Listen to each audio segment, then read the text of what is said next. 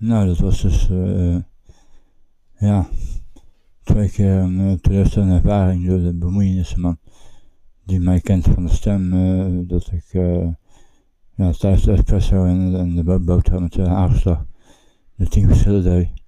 En dat heeft me zo, ge geïnspireerd. Dus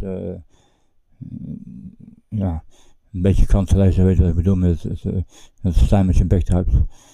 En uh, ja, dus, uh, het slachtoffer was deze keer een, uh, een agent, Monique uh, Jansen geloof ik uit Schietheidenberg. Uh, nooit geëvenaard door iemand uit Rotterdam die er tussen kwam met de vinger en dat.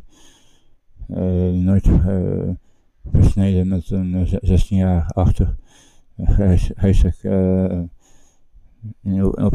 opbloeiend ook zoiets maatje van mijn beste vriend neef Abe. En ja, en het doet me ergens wel pijn met natuurlijk wel dat we samen uh, nooit naar een bejaardenhuis gaan. Ik maak die series compleet door in verzorgde woningen, of beschermd wonen, een hoog spekgedrag uh, te vertonen. Dus dat, komt dat kabeltje, dan mag je, mag je je ook wegzetten. Ik heb geen enkel aan je, maar ja, bekijk het dan.